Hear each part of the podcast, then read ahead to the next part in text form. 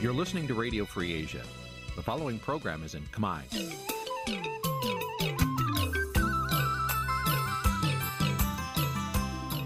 នេះជាកម្មវិធីផ្សាយ Vuthu Azizi Serai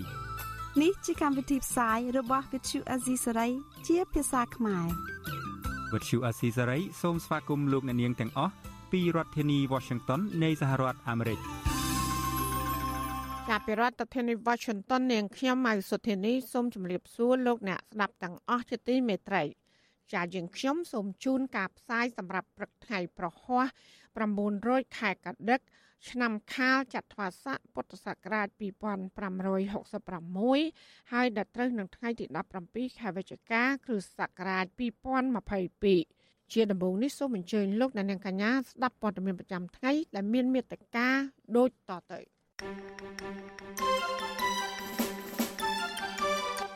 លោកហ៊ុនសែនថាលោកមិនអាចចាត់តំណាងប្រជុំ G20 ព្រោះគេអញ្ជើញលោកក្នុងនាមជាប្រធានអាស៊ានអ្នកជំនាញថាការឆ្លើយតបរបស់ចិននិងកម្ពុជារឿងធ្វើទំនើបកម្មកំពង់ផែរៀមនៅតែមិនអាចអាមេរិកទុកចិត្តបានឡើយ អ្នកខ្លំមើលសង្គមរិះគន់ថាលោកហ៊ុនសែនដឹកនាំប្រទេសកាន់តែផ្ដាច់ការក្រោយពីរំលាយគណៈបកសង្គ្រោះជាតិលោកមេធាវីជួងជំនាញថាការចូលរួមឆាកនយោបាយអាចជួយសង្គមបានច្រើនជាងអាជីពជាមេធាវីរួមនឹងព័ត៌មានសំខាន់សំខាន់មួយចំនួនទៀតចាជាបន្តទៅទៀតនេះនាងខ្ញុំម៉ៅសុធានីសូមជូនព័ត៌មានទាំងនោះពឺស្ដាប់ ចាលោកនាងជាទីមេត្រីលោកនាយករដ្ឋមន្ត្រីហ៊ុនសែនបកស្រាយក្នុងខ្សែអត្ថសម្លេង កាលពីយប់ថ្ងៃទី16ខែវិច្ឆិកាថាលោកមិនអាចចាត់តំណាងដើម្បីចូលរួមកិច្ចប្រជុំកំពូលនៃក្រុមប្រទេសសេដ្ឋកិច្ចធំធំទាំង20ឬហៅកាត់ថា G20 នៅឯប្រទេសឥណ្ឌូនេស៊ីបានឡើយព្រោះថាកម្ពុជា មិនមែនជាសមាជិកក្រុមប្រទេស G20 លោកបញ្ជាក់ថាកម្រងចូលរួមរបស់លោកនោះគឺក្នុងឋានៈជាប្រធានអាស៊ាន តបតាមការអញ្ជើញរបស់ប្រទេសឥណ្ឌូនេស៊ីដែលជាម្ចាស់ផ្ទះដើម្បីធានាការប្រព្រឹត្តទៅបានល្អនៅក្នុងការប្រជុំនៅឥណ្ឌូនេស៊ីកម្ពុជាបានធ្វើការសម្រុះសម្រួលជាមួយឥណ្ឌូនេស៊ីតែបានទទួលអញ្ញញួរជាប្រធានអាស៊ានរួចហើយនោះ គឺគ្រប់គ្រងការងារជាប្រធានអាស៊ានតែម្ដងយើងគ្មានសិទ្ធិតែងតាំងតំណាងពីកម្ពុជានោះទេព្រោះយើងមិនមែនជាសមាជិក Z20 គឺគេអញ្ជើញប្រធានអាស៊ាន គឺនាយករដ្ឋមន្ត្រីហ៊ុនសែនការលើកឡើងរបស់លោកហ៊ុនសែនដូច្នោះដោយសារតែលោកខកខានចូលរួមកិច្ចប្រជុំកម្ពុជា G20 កាលពីថ្ងៃទី15និង16ខែវិច្ឆិកាដោយសារតែលោកបានប្រកាសថាបានឆ្លងជំងឺ Covid-19 លោកបានដឹកនាំគណៈបព្វភូត្រឡប់មកកម្ពុជាវិញក្រោយទៅដល់ប្រទេសឥណ្ឌូនេស៊ីកាលពីថ្ងៃទី15ខែវិច្ឆិកា ក្រោយពីបានខកខានកិច្ចប្រជុំកម្ពុជា G20 ហើយលោកហ៊ុនសែនក៏មិនអាចចូលរួមក្នុងកិច្ចប្រជុំស្ដីពីកិច្ចសហប្រតិបត្តិការសេដ្ឋកិច្ចនៅតំបន់អាស៊ីប៉ាស៊ីហ្វិកហៅកាត់ថាអេប៉ិចដែលក្រុងធ្វើនៅប្រទេសថៃចាប់ពីថ្ងៃទី17ដល់ថ្ងៃទី18ខែវិច្ឆិកាបាននោះដែរលោកបកស្រាយថាកិច្ចប្រជុំនេះ គេអញ្ជើញលោកឲ្យចូលរួមក្នុងឋានៈជាប្រធានបដូវវេនអាស៊ាន ដូចជាករណីកិច្ចប្រជុំ G20 ដែរដូច្នេះលោកគ្មានសិទ្ធិចាត់តំណាងឲ្យទៅចូលរួមបានឡើយការចេញមុខបកស្រាយរបស់លោកហ៊ុនសែនគឺក្រោយដល់ពេលមានសាធារណជនមួយចំនួន បានចោទសួរអំពីមូលហេតុដែលលោកវិលមកកម្ពុជាវិញដោយមិនបានទុកតំណាងចូលរួមកិច្ចប្រជុំ G20 និងអាប៉ិច តាក់ទងបញ្ហាសុខភាពវិញលោកហ៊ុនសែនបានដឹងថាលោកមានអាការៈធម្មតាគឺมันមានអ្វីប្រែប្រួលនោះឡើយទោះបីជាលោកឆ្លងជំងឺ Covid-19 ក៏ដោយ។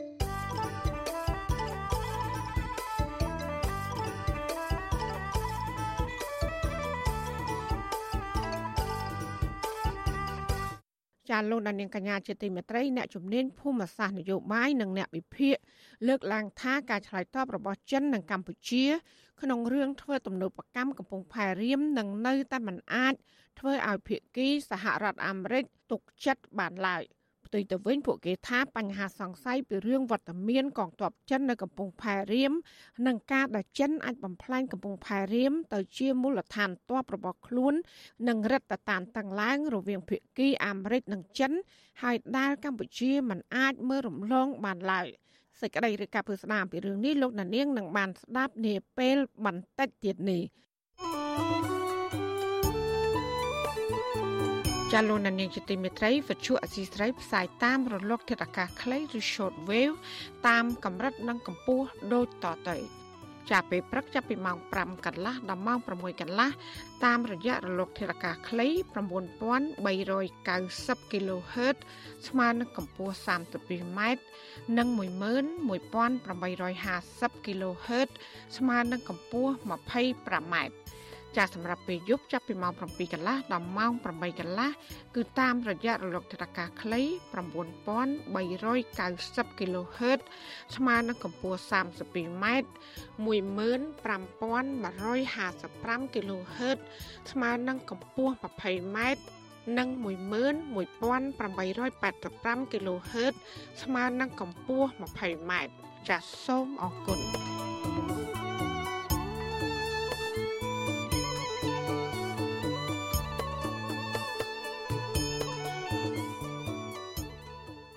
ចាលោកនានីជាទីមេត្រីមន្ត្រីគណៈបពប្រឆាំងលើកឡើងថាលោកហ៊ុនសែនបានដឹកនាំប្រទេសបែបជីសេះលែងដៃក្នុងរយៈពេល5ឆ្នាំចុងក្រោយនេះដែលបានបង្កទុកលំបាកដល់ប្រជាពលរដ្ឋជាបន្តបន្ទាប់ប្រតិកម្មរបស់មន្ត្រីបកប្រឆាំងបែបនេះធ្វើឡើងក្នុងឱកាសខួប5ឆ្នាំនៃការរំលាយគណៈបកសង្គ្រោះជាតិហើយដែលគណៈបកប្រឆាំងមួយនេះចាត់ទុកថាកម្ពុជាបានធ្លាក់ចូលក្នុងកណ្ដាប់ដៃរបស់ជនផ្ដាច់ការទាំងស្រុង ចាលោកទីនសាការីយ៉ារីកាព័ត៌មាននេះមន្ត្រីគណៈបកប្រឆាំងលើកឡើងថារយៈពេល5ឆ្នាំកន្លងមកនេះរដ្ឋាភិបាលលហ៊ុនសែននៅតែបន្តពង្រឹងអំណាចផ្ដាច់ការប្រកាន់បកពួកគៀបសង្កត់អ្នកសារព័ត៌មានអាយក្រិចបិទសិទ្ធិសេរីភាពមូលដ្ឋានបរដ្ឋរំលោភសិទ្ធិមនុស្សចាប់ខ្លួនសកម្មជននយោបាយនិងសកម្មជនសង្គមដាក់គុកឥតឈប់ឈរមន្ត្រីជាន់ខ្ពស់គណៈបកសង្គ្រោះជាតិដែលរងការធ្វើទុកបុកម្នេញផ្នែកនយោបាយដែលភៀសខ្លួនទៅរស់នៅសហរដ្ឋអាមេរិកលោកអ៊ុំសំអានឲ្យដឹងថា ទោះបីជារបបលហ៊ុនសែនរំលាយគណៈបកសង្គ្រោះជាតិរយៈពេល5ឆ្នាំមកហើយក្តីប៉ុន្តែសម្រាប់ជនប្រជាការនៅតែភ័យខ្លាចបាត់បង់អំណាចដោយសារតែការមិនទុកចិត្តខ្លួនឯងហើយបរដ្ឋនៅតែហ៊ានតស៊ូមតិទាមទារសិទ្ធិសេរីភាពបើទោះបីជាពួកគេរងការបង្ក្រាបពីកងកម្លាំងលហ៊ុនសែនយ៉ាងណាក្តីលោកអ៊ុំសំអានលើកឡើងបន្តថាហេតុផលសំខាន់ដែលលោកហ៊ុនសែនរំលាយគណៈបកសង្គ្រោះជាតិដោយសារតែលោកមើលឃើញថាគណៈបកប្រឆាំងដ៏ធំមួយនេះ អាចជាឆ្អឹងទៅតឹងកដល់ការក្រាញអំណាចនិងផែនការផ្ទេរអំណាចតកូនចៅរបស់លោកហ៊ុនសែនបន្ទាប់ពីការរំលាយគណៈបក្សសង្គ្រោះជាតិហ្នឹងគឺលោកហ៊ុនសែនចង់កាន់អំណាចផ្ដាច់ការតវងតកូលដោយនៅកូរ៉េខាងជើងតែម្ដងគឺការដឹកនាំប្រទេសហ្នឹងមានការបោះឆ្នោតដែរក៏ប៉ុន្តែការបោះឆ្នោតហ្នឹងគឺជាការបោះឆ្នោតគ្រាន់តែបង្ក្រប់កិច្ចការបោះឆ្នោតคล้ายៗមិនមែនជាការបោះឆ្នោតដោយសេរីនិងយុត្តិធម៌ដែលមានការចូលរួមពីគណៈបកប្រឆាំងដ៏ធំដែលអាចប្រគល់ប្រជែងយកឈ្នះទៅលើគណៈបកប្រជាជនបានទេ ថ្ងៃទី16វិច្ឆិកាឆ្នាំ2022នេះគឺជាខួប5ឆ្នាំដែលតុលាការកំពូលនៃរបបលហ៊ុនសែនបានរំលាយគណៈបកសង្គ្រោះជាតិកាលពីថ្ងៃទី16វិច្ឆិកាឆ្នាំ2017តាមបំណងរបស់លហ៊ុនសែនតុលាការក៏ចោទប្រកាន់ប្រធានគណៈបកសង្គ្រោះជាតិកលោកតាមសខាតុលាការកំពូលហាមឃាត់សិទ្ធិធ្វើនយោបាយរបស់ថ្នាក់ដឹកនាំគណៈបកសង្គ្រោះជាតិចំនួន118នាក់មិនឲ្យធ្វើនយោបាយរយៈពេល5ឆ្នាំដែរក្រោយពីការរំលាយប្រជាធិបតេយ្យមក រដ្ឋាភិបាលលហ៊ុនសែនក៏មិនខ្លាចញញើតក្នុងការបង្ក្រាបសម្លេងប្រឆាំងដែលធ្វើឲ្យប៉ះពាល់ដល់អំណាចរបស់លោកនោះដែររដ្ឋាភិបាលឯកបកមួយនេះរងការរិះគន់ជាបន្តបន្ទាប់ថាបានដឹកនាំប្រទេសប្រឆាចពីកន្លងប្រជាធិបតេយ្យនិងស្មារតីនៃកិច្ចព្រមព្រៀងទីក្រុងប៉ារីសការដឹកនាំដែលមានបកតែមួយបែបនេះហើយដែលធ្វើឲ្យលោកហ៊ុនសែនកាន់តែក្តោបក្តាប់អំណាចពេញដៃនិងដឹកនាំប្រទេសកាន់តែផ្ដាច់ការនៅក្នុងការបង្ក្រាបសម្លេងប្រឆាំង រដ្ឋបတ်សិទ្ធិសេរីភាពប្រជាពលរដ្ឋសកម្មជនសង្គមនិងស្ថាប័នសារព័ត៌មានឯករាជ្យជាដើមតើតើនៅរឿងនេះអ្នកនាំពាក្យគណៈបកប្រជាជនកម្ពុជាលោកសុកអេសានអះអាងថាកម្ពុជាមានប្រជាធិបតេយ្យនិងសន្តិភាពហើយកម្ពុជាក៏គ្មានវិបត្តិនយោបាយជាប់គាំងដែលតម្រូវឲ្យរដ្ឋាភិបាលចរចាដោះស្រាយវិបត្តិនយោបាយនិងស្ដារប្រជាធិបតេយ្យឡើងវិញនោះដែរ។ ហើយដូច្នេះហើយគឺការរំលាយទុកខួបប្រមាណឆ្នាំក៏ដោយការរំលាយអតីតបពប្រឆាំងគឺដោយតឡាការកម្ពុជាកម្ពុជា ដែលមានសាលដីកាស្ថាពរនិងបិទផ្លូវតវ៉ាហើយដូច្នេះគ្មានសង្ឃឹមថារស់ឡើងវិញទេទោះបីប្រមាណឆ្នាំក៏ដោយទៅមុខទៀតក៏ដោយគឺអត់មានរស់ឡើងវិញជាដាច់ខាតបាទទោះបីជានេះនាំពាក្យគណៈបកកណ្ដាលអំណាចប្រឹងប្រែងថ្លែងការពីរដ្ឋាភិបាលអំពីការបាត់បង់ពីស្ថានភាពនៃការធ្លាក់ចុះលទ្ធិប្រជាធិបតេយ្យនិងការរំលោភសិទ្ធិមនុស្សបែបនេះក្តី ក៏សហគមន៍ជាតិនិងអន្តរជាតិតែងតែវាតម្លៃថាកម្ពុជាគ្មានការគោរពសិទ្ធិមនុស្សត្រឹមត្រូវស្របតាមរដ្ឋធម្មនុញ្ញនោះទេរដ្ឋាភិបាលលហ៊ុនសែនតែងតែដាក់ចេញនៅចំណាត់ការបង្ក្រាបយ៉ាងទៀងទាត់និងមានលក្ខណៈជាប្រព័ន្ធទៅលើក្រុមសកម្មជនគណបកប្រឆាំងសកម្មជនសង្គមមន្ត្រីសង្គមស៊ីវិលបរដ្ឋប្រាសិទ្ធប្រមូលផ្ដុំដោយសន្តិវិធីនិងការបង្ក្រាបអ្នកសារព័ត៌មានដែលមិនចំណុះជាមួយនឹងរដ្ឋាភិបាលជាដើមការបង្ក្រាបនេះ រដ្ឋាភិបាលកម្ពុជាក៏រងទណ្ឌកម្មជាបន្តបន្ទាប់ប្រព័ន្ធអនុគ្រោះពន្ធទូទៅ GSP របស់អាមេរិកបានផុតសុពលភាពកាលពីឆ្នាំ2020កន្លងទៅហើយមកទល់ពេលនេះសហរដ្ឋអាមេរិកក៏មិនទាន់បន្តឲ្យវិញនៅឡើយទេចំណែកឯប្រព័ន្ធអនុគ្រោះពន្ធគ្រប់មុខទំនិញទាំងអស់លើកឡើងតែអាវុធឬហៅកាត់ថា EBA ក៏ត្រូវបានសហភាពអឺរ៉ុបកាត់ផ្តាច់20%ដែរហេតុផលដែលកម្ពុជាបន្តទទួលរងទណ្ឌកម្មសេដ្ឋកិច្ចបែបនេះដោយសារតែកម្ពុជាក្រោមការដឹកនាំរបស់លោកហ៊ុនសែន បានរំលោភសិទ្ធិមនុស្សធ្ងន់ធ្ងរជាប្រព័ន្ធនិងរំលាយប្រជាធិបតេយ្យនៅកម្ពុជាតើតើនឹងខួប5ឆ្នាំនៃការរំលាយគណៈបកសង្គ្រោះជាតិនេះដែរអគ្គលេខាធិការសម្ព័ន្ធនិស្សិតបញ្ញវន្តកម្ពុជាលោកគៀនពន្លកពិនិត្យឃើញថាលទ្ធិប្រជាធិបតេយ្យនៅកម្ពុជាបច្ចុប្បន្នហាក់ដើរថយក្រោយគណៈសកម្មជនសង្គមនយោបាយ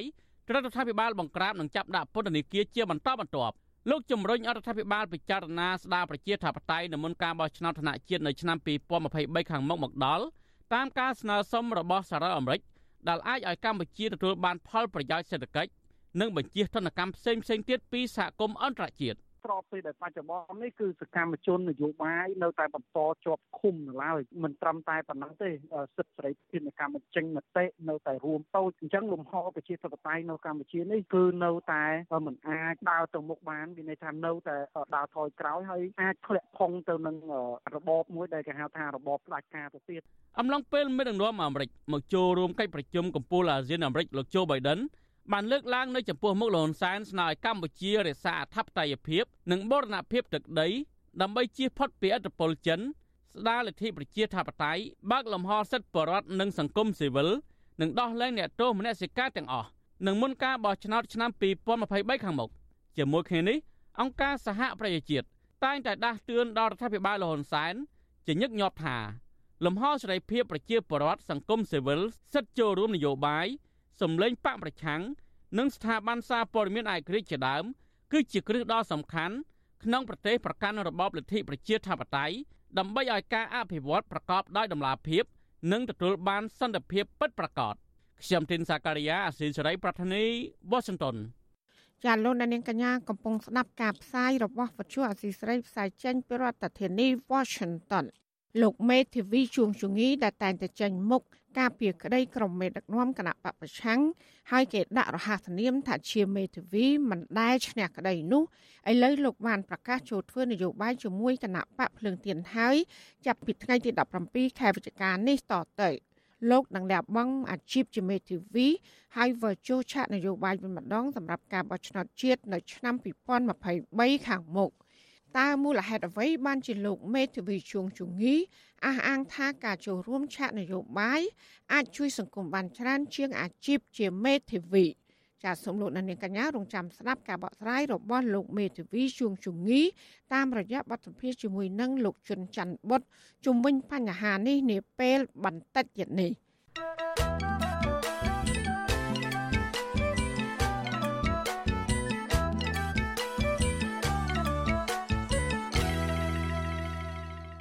ចាលោកនានីយទីមេត្រីសាលាដំបងរាជធានីភ្នំពេញ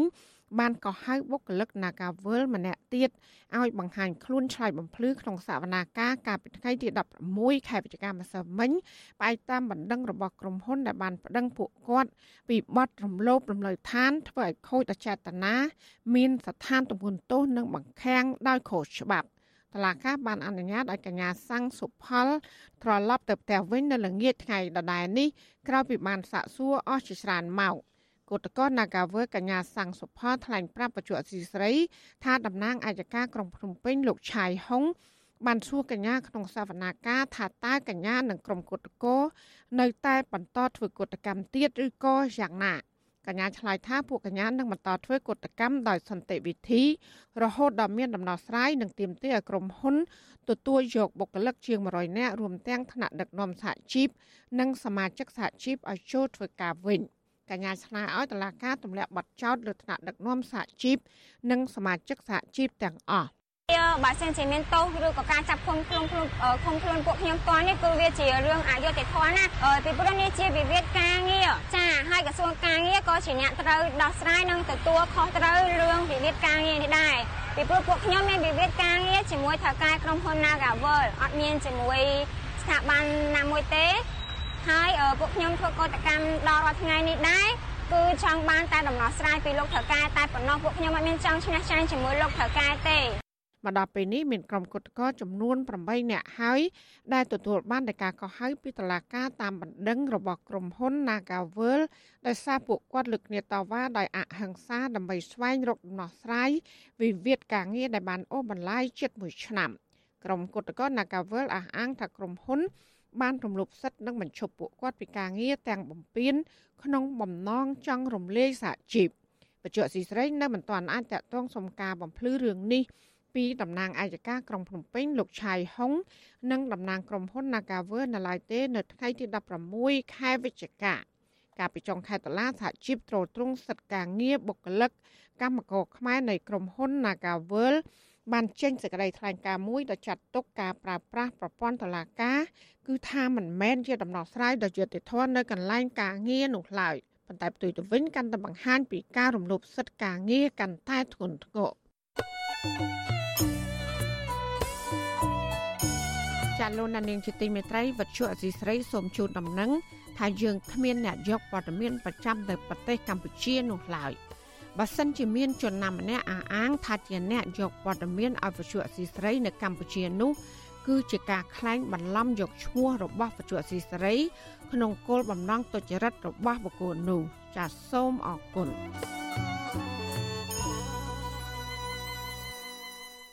ចាលោកនាងជាទីមេត្រីអតីតហ៊ានកងដឹកជញ្ជូន250នៅខេត្តបាត់ដំបងត្អូញត្អែពីការរត់ការធ្វើឯកសារស្នើសុំប្រាក់សង្គមគិច្ចតែត្រូវចំណាយអស់ប្រាក់ជាច្រើនបញ្ហានេះបណ្ដាពួកគាត់ជួបការលំបាកនិងប៉ះពាល់ដល់ជីវភាពរស់នៅមន្ត្រីសង្គមស៊ីវិលយល់ឃើញថារដ្ឋាភិបាល និងស្ថាប័នពាក់ព័ន្ធគូពិនិត្យនិងស្រាវជ្រាវដល់មូលដ្ឋាន ដើម្បីផ្ដល់ភាពកក់ក្ដៅនិងជួយដល់ប្រជាពលរដ្ឋ ចាអ្នកស្រីសុជីវីរាយការណ៍ព័ត៌មាននេះអតីតហ៊ានកងដឹកជញ្ជូនលេខ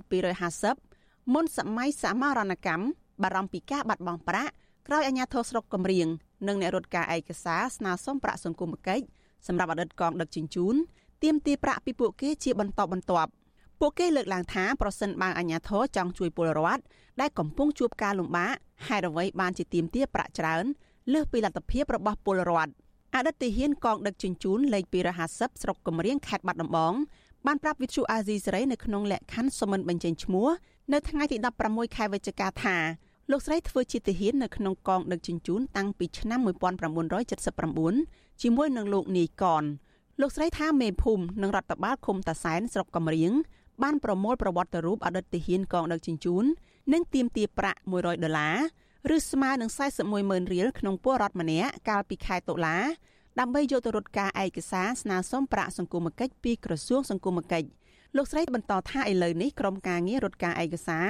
ទាមទារឲ្យពលរដ្ឋបង់ប្រាក់បន្ថែម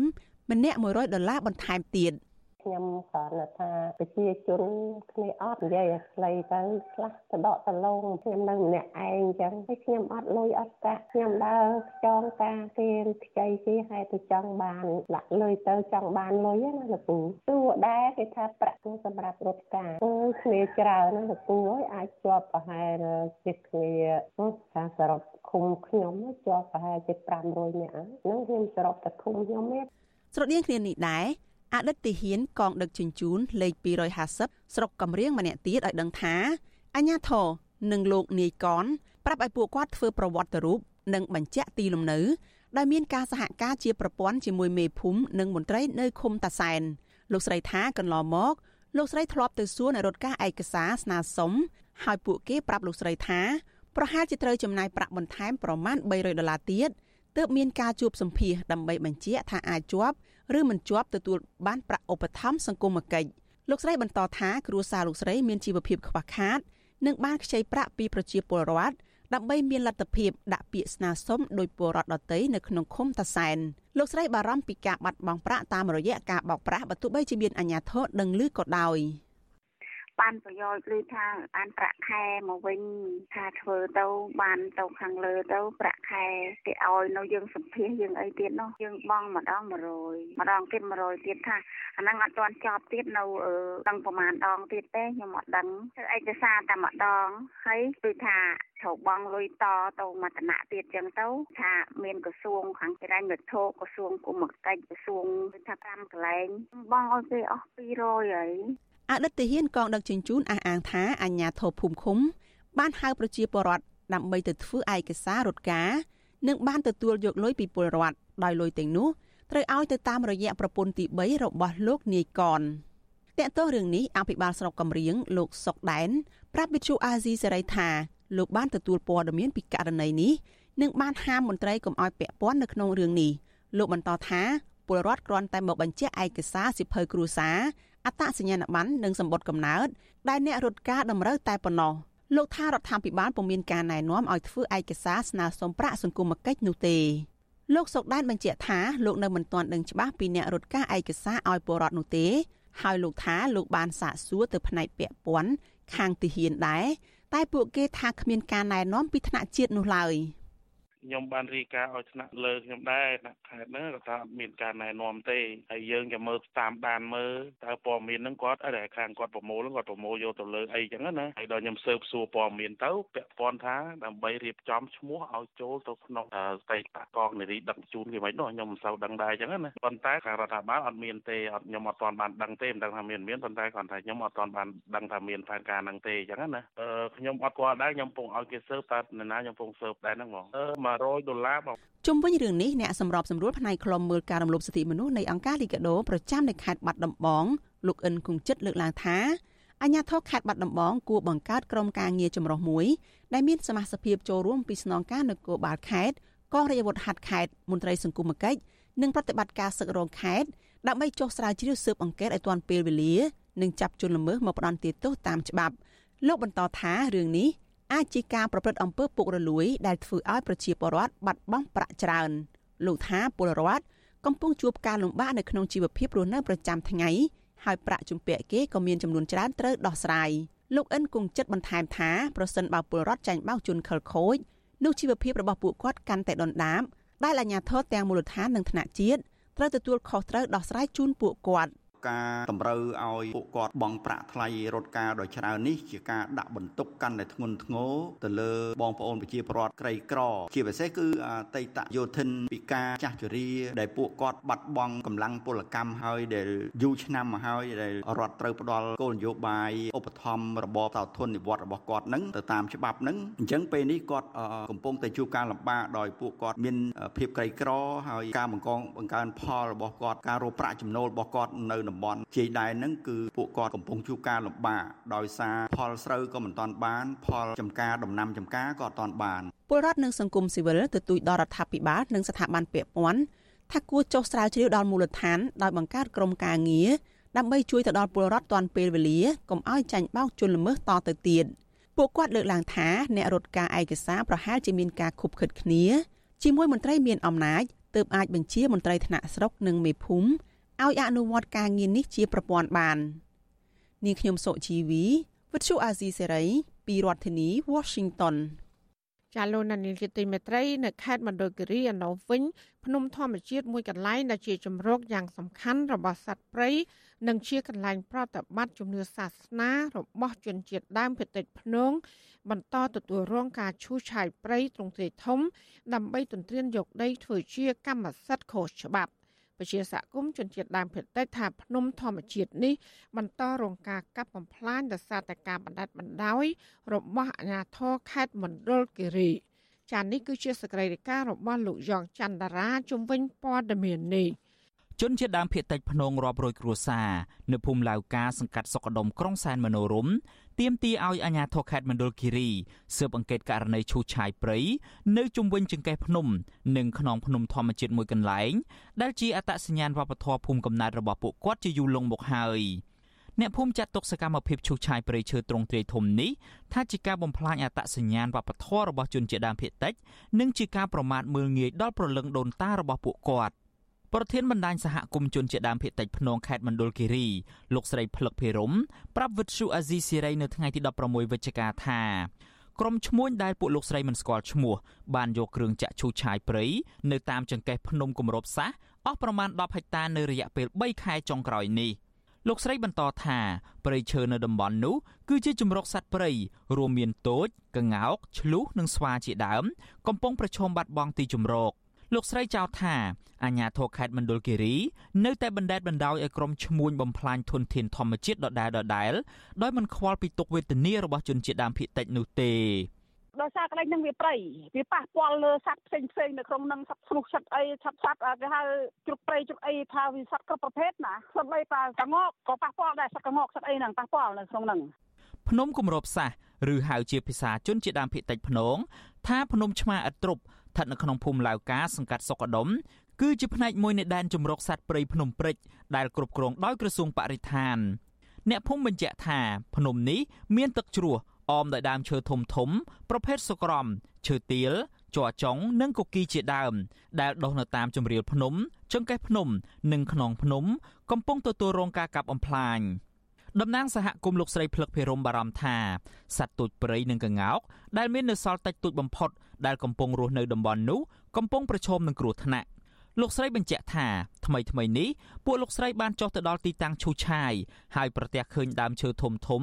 ដែលជាកន្លែងសត្វតូចលោតលេងកំសាន្តត្រូវបានគេកាប់ផ្ដួលធ្វើអាជីវកម្មរីឯដើមឈើខ្លះទៀតវិញត្រូវបានគេដុតកំទេចចោលឲ្យคล้ายជាវាលរហោឋាន សត្វតូចអស់នៅឃុំលើការមានតែកន្លែងនឹងមួយគាត់មានសត្វតូចហ្នឹងកាប់ហើយបើសិនជាធ្វើនៅកន្លែងហ្នឹងគ្នានឹងនៅតាទៅសត្វហ្នឹងរហូតមកដល់ឥឡូវការការពារសន្តានធម្មជាតិរបស់ខេត្តរបស់អាជ្ញាធរអីចឹងណាគឺក៏សយណាស់ពួកគាត់ហ្នឹងយើងមើលទៅសយក្នុងការការពារណាស់ វិទ្យុអាស៊ីសេរីមិនអាចតាក់ទងសុំការបំភ្លឺរឿងនេះពីប្រធានមន្ត្រីបរិស្ថានខេត្តមណ្ឌលគិរីលោកកែងសុភ័ក្រនិងអ្នកនាំពាក្យសាលាខេត្តមណ្ឌលគិរីលោកនាងវណ្ណៈបាននៅឡើយទេនៅថ្ងៃទី16ខែវិច្ឆិកាដោយទូរស័ព្ទហៅចូលតែពុំមានអ្នកទទួលក៏ប៉ុន្តែចៅសង្កាត់រងសង្កាត់សុកដុមលោកពៅសុផាត ប្រាប់វិទ្យុអាស៊ីសេរីថាអាញាធរពុំទាន់ទទួលបានដំណឹងស្ដីពីការឈូសឆាយព្រៃឈើនៅតំបន់ភ្នំនេះនៅឡើយទេ លោកបដិសេធមិនឆ្លើយតបទៅនឹងសំណួរផ្សេងទៀតឡើយដោយអះអាងថាមេភូមិមិនបានរាយការណ៍មកអាជ្ញាធរឃុំខ្ញុំអត់អត់បានរាយការណ៍ជូនទេបើចង់ដឹងការពិតខាងបងប្អូនជនជាតិដើមហ្នឹងគាត់ច្រើនតែគាត់និយាយមកវាកន្លែងណាកន្លែងណាអញ្ចឹងយើងឲ្យដឹងតែមិនបាច់រាយការណ៍ទៅដល់ណាដល់ណីអីនៅមូលដ្ឋានអត់ដឹងបង ជុំវិញរឿងនេះមន្ត្រីសិទ្ធិមនុស្សនៃសមាគមអាត60ប្រចាំនៅខេត្តមណ្ឌលគិរីលោកគ្រឿងតុលាយល់ឃើញថាអាជ្ញាធរខេត្តមណ្ឌលគិរីនៅតែប្រព្រឹត្តកំហុសដដែលដដែលដោយពុំបានការពារធនធានធម្មជាតិក្នុងដែនសមត្ថកិច្ចរបស់ខ្លួនស្របតាមច្បាប់នោះឡើយលោកជំរុញឲ្យអាជ្ញាធរខេត្តគួរតែដោះស្រាយរឿងនេះជាបន្ទាន់ដើម្បីសង្គ្រោះសត្វព្រៃនិងធនធានធម្មជាតិដែលបន្សល់ទុកចុងក្រោយ ចឹងខ្ញុំគិតថានេះជាកំហុសរបស់អាជ្ញាធរដែលគាត់ប្រហែសប្រហែសមិនយកចិត្តទុកដាក់បំរើប្រជាពលរដ្ឋបាទអញ្ចឹងខ្ញុំគាត់ស្នើសុំថាឲ្យធ្វើម៉េចឲ្យអាជ្ញាធរមូលដ្ឋានហ្នឹងគាត់បំរើ ការពីនិងបំពេញបន្ថែមជូនជាប្រតិបត្តិគ្រប់គ្រាន់ប្រជាសហគមន៍ជនជាដើមភាគតិចភ្នងបន្ថែមថាពេលនេះសម្បត្តិធម្មជាតិ រួមមានព្រៃភ្នំ ទឹកជ្រោះបឹងនិងអូរធម្មជាតិជាដើមនោះកំពុងស្ថិតនៅក្នុងភាពផុយស្រួយនៅឡើយដោយសារតែអាជ្ញាធរខេត្តមណ្ឌលគិរីអសមត្ថភាពការពារធនធានធម្មជាតិទាំងនោះឲ្យបានគង់វង្សប្រជាពលរដ្ឋចោទថាអាញាធរតែងតែលាក់បាំងព័ត៌មានស្ដីពីសកម្មភាពឈូសឆាយដីព្រៃភ្នំ ដែលជាទីកន្លែងគោរពជំនឿនិងរកអនុផលព្រៃឈើរបស់ជនជាតិដើមភាគតិចនេះតាំងពីបុរាណមក ខ្ញុំយ៉ងច័ន្ទដារាវិទ្យុអាស៊ីសេរីរាយការណ៍ពីរដ្ឋធានី Washington ចាលោកណានៀងជាទីមេត្រីពីខេត្តកោះកុងឯនៅវិញមន្ត្រីសង្គមស៊ីវិលនិងប្រជាសហគមន៍នេសាទបន្តទាមទារឲ្យអាជ្ញាធរខេត្តនេះស៊ើបអង្កេតករណីអញ្ញាម្នាក់រួមទាំងអ្នកពាក់ព័ន្ធដែលបានរំលោភយកដីព្រៃកោងកាងអស់ជាច្រើនហិកតាដើម្បីពុះដីឡូធ្វើអាជីវកម្មពួកគាត់អះអាងថាអាញាធមូលដ្ឋានខេត្តនេះនៅតែបើកដៃឲ្យបុគ្គលមានអំណាច ឈូសឆាយរំលោភយកដីព្រៃកោងកាងជាបន្តបន្ទាប់ចានេះគឺជាសកម្មភាពរបស់អ្នកស្រីសុជីវីជំនាញព័ត៌មាននេះព្រៃកោងកាងស្ថិតនៅចំណុចកំពង់ឡានភូមិបានទៀតឃុំដងពេងស្រុកស្រែអំបិលកំពុងទទួលរងការឈូសឆាយចាក់ដីលុបដើម្បីពុះដីឡូលក់ដោយមានផ្នែកខ្លះធ្វើអាជីវកម្មបូមខ្សាច់នៅក្នុងតំបន់ព្រៃកោងកាងអស់ជាច្រើនហិកតាប្រជាសហគមន៍នេសាទនិងមន្ត្រីសង្គមស៊ីវិលសង្ស័យថា អាញាធរមូលដ្ឋានខ្លះខົບខិតគ្នាជាមួយអង្គញាអឹងខៀងនិងក្រុមអ្នកមានអំណាចផ្សេងទៀតបំផ្លាញធនធានធម្មជាតិដ៏ធំធេងទាំងនេះ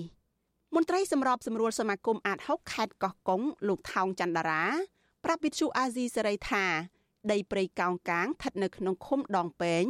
បន្តទទួលរងការឈូសឆាយនិងចាក់ដីលុបដើម្បីពុះដីឡូធ្វើអាជីវកម្មអស់ជាង10ហិកតា នៅរយៈពេល6ខែចុងក្រោយនេះ លោកថាក្រោយពីឈូសឆាយដីព្រៃកោងកាងអស់ក្រុមឈ្មួញបានពុះដីឡូលក់ដោយគ្មានអាជ្ញាធរណាស៊ើបអង្កេតឡើយរហូតមកដល់ពេលនេះរីឯដីព្រៃកោងកាងមកដល់ពេលនេះរីឯដីព្រៃកោងកាងនៅក្បែរក្បែរនោះក៏កំពុងទទួលរងការឈូសឆាយការទន្ទ្រានយកធ្វើកម្មសិទ្ធិអស់ជាបន្តបន្ទាប់ដែរ វាมันមានចំណាត់ការអីនៅត្រឹងហ្នឹងទេអាសកម្មភាពលំពៀនចាក់ដីកម្មផ្លាញនៅតែបន្តហ្នឹងវាអត់មានអាជ្ញាធរណាលវីលវល់ឬហាមឃាត់ឬទប់ស្កាត់មានចំណាត់ការអីទេនៅមួយផ្នែកខាងហ្នឹងប្រៃកោងកាងរិចកាន់តែធំទៅធំទៅហើយបាទប្រជាសហគមន៍នេសាទខេត្តកោះកុងសង្កេតឃើញថាព្រៃកោងកាងនៅតំបន់នោះមានផ្នែកខ្លះត្រូវគេកាប់ទន្ទ្រានធ្វើជាទីតាំងបូមខ្សាច់លក់ជាច្រើនខែមកហើយពួកគាត់សង្ស័យថាអុកញ៉ាអឹងខៀង និងក្រុមអ្នកមានអំណាចមួយចំនួនទៀតគឺជាមេខ្លោងបំផ្លាញចម្រោកត្រីពងកូនទាំងនេះប្រជាសហគមន៍នេសាទរស់នៅស្រុកស្រែអំបិលលោកអ៊ុយរុនឲ្យដឹងថាសកម្មភាពបំផ្លាញដីព្រៃកោងកាងកាន់តែរីកធំឡើងជារៀងរាល់ថ្ងៃដោយក្រុមអ្នកមានអំណាចនៅពីក្រោយខ្នងពុំមានអាជ្ញាធរណាអើពើនោះឡើយលោកអះអាងថា ការបំផ្លាញនេះប៉ះពាល់ដល់ចម្រោកត្រីពងកូនសត្វស្លាបជីវៈសមុទ្រចម្រុះ និងជីវភាពប្រជាសហគមន៍ដោយសារតែបាត់បង់ទីកន្លែងនេសាទត្រីលក្ខណៈគ្រួសារទី1វាប៉ះពាល់នៅធនធានធម្មជាតិទី2វាប៉ះពាល់នៅផលប្រយោជន៍ប្រជាពលរដ្ឋការរស់នៅការអាស្រ័យផលរបស់ប្រជាពលរដ្ឋវិទ្យុអាស៊ីសេរីនៅមិនទាន់អាចតាក់ទងសុំការបំភ្លឺជំវិញការចោទប្រកាន់នេះពីអុកញ៉ាអឹងខៀងបាននៅឡើយទេ នៅថ្ងៃទី15ខែវិច្ឆិកាដោយទូរស័ព្ទរបស់លោកមិនអាចតាក់ទងបានចំណែកអភិបាលខេត្តកោះកុងអ្នកស្រីមិថុនាភូថង និងប្រធានមន្ត្រីបរិស្ថានក៏មិនអាចសុំការបំភ្លឺបានដែរដោយទូរស័ព្ទហៅចូលជាច្រើនដងតែគ្មានអ្នកលើកប្រជាសហគមន៍និងមន្ត្រីអង្គការសង្គមស៊ីវិលស្ដីបន្ទោសអាជ្ញាធរខេត្តកោះកុងថាអសមត្ថភាពការពៀទ្របសម្បត្តិជាតិដោយបន្តបណ្តែតបណ្តោយឲ្យក្រុមអ្នកមានអំណាចឈូសឆាយទន្ទ្រាននិងកាប់ផ្ដួលព្រៃកោងកាងធ្វើជាសម្បត្តិបុគ្គលដោយគ្មានការអនុវត្តច្បាប់លោកថោងចន្ទរាបន្ថែមថាអាញាធរតែងតែរកលេសឆ្លើយដោះសារយករួចខ្លួន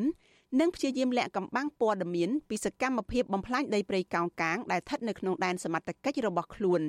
មន្ត្រីសង្គមស៊ីវិលរូបនេះស៊ើបដឹងថាក្នុងខេត្តកោះកុងមានព្រៃកោងកាងជាច្រើនតំបន់ផ្សេងទៀតជាប្រភពសេដ្ឋកិច្ចយ៉ាងសំខាន់របស់អ្នកភូមិតាក់ទាញភ្ញៀវទេសចរក៏ទទួលរងការចាក់ដីលុបនិងទន្ទ្រានកាន់កាប់ធ្វើអាជីវកម្មដែររីឯអាជ្ញាធរគ្មានភាពច្បាស់លាស់អនុវត្តច្បាប់ឲ្យបានយូរអង្វែងនោះឡើយ គឺនៅតែបណ្តែតបណ្តោយឲ្យបុគ្គលមានអំណាចបំពានច្បាប់ដដែលដដែល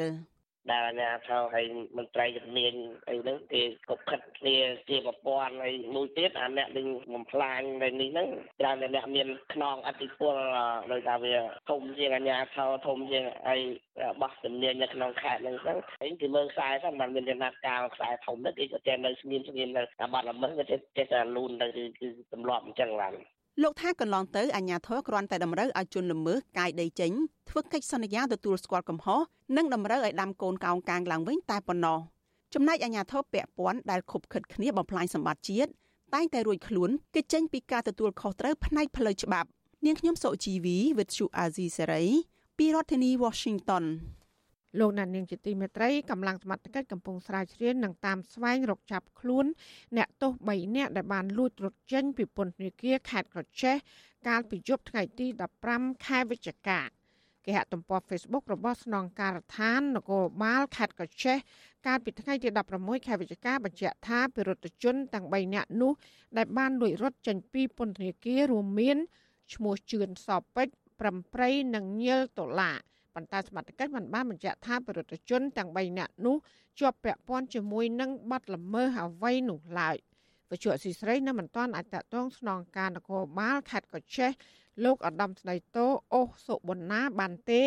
ដោយសារទូរស័ព្ទហៅចូលច្រើនដងតែគ្មានអ្នកលើកប៉ុន្តែស្នងការប៉ូលីសខេត្តកោះចេះ បានជូនដំណឹងថាប្រសិនបើប្រជាពលរដ្ឋបានឃើញនឹងស្គាល់មុខសញ្ញានៃអ្នកទោសទាំង3នាក់នោះអាចតាក់ទងមកលេខទូរស័ព្ទបន្ទាន់097 888 3131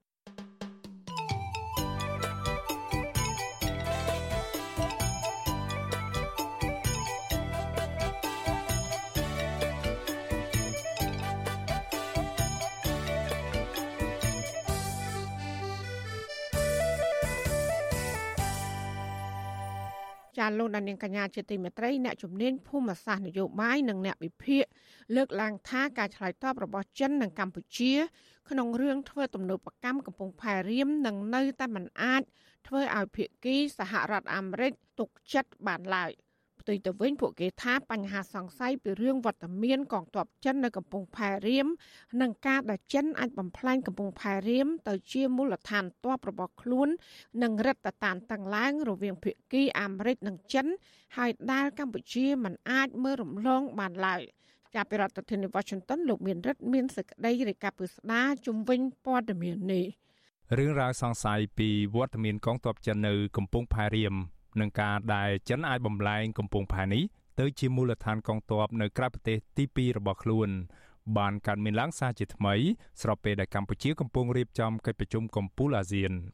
ប្រធានាធិបតីអាមេរិកលោក Joe Biden បានលើកឡើងពីកង្វល់ទាំងនេះនៅក្នុងជំនួបទ្វេភាគីដ៏កម្រមួយមិនធ្លាប់មានពីមុនមកជាមួយលោកនាយរដ្ឋមន្ត្រីហ៊ុនសែនកាលពីថ្ងៃទី12ខែវិច្ឆិកា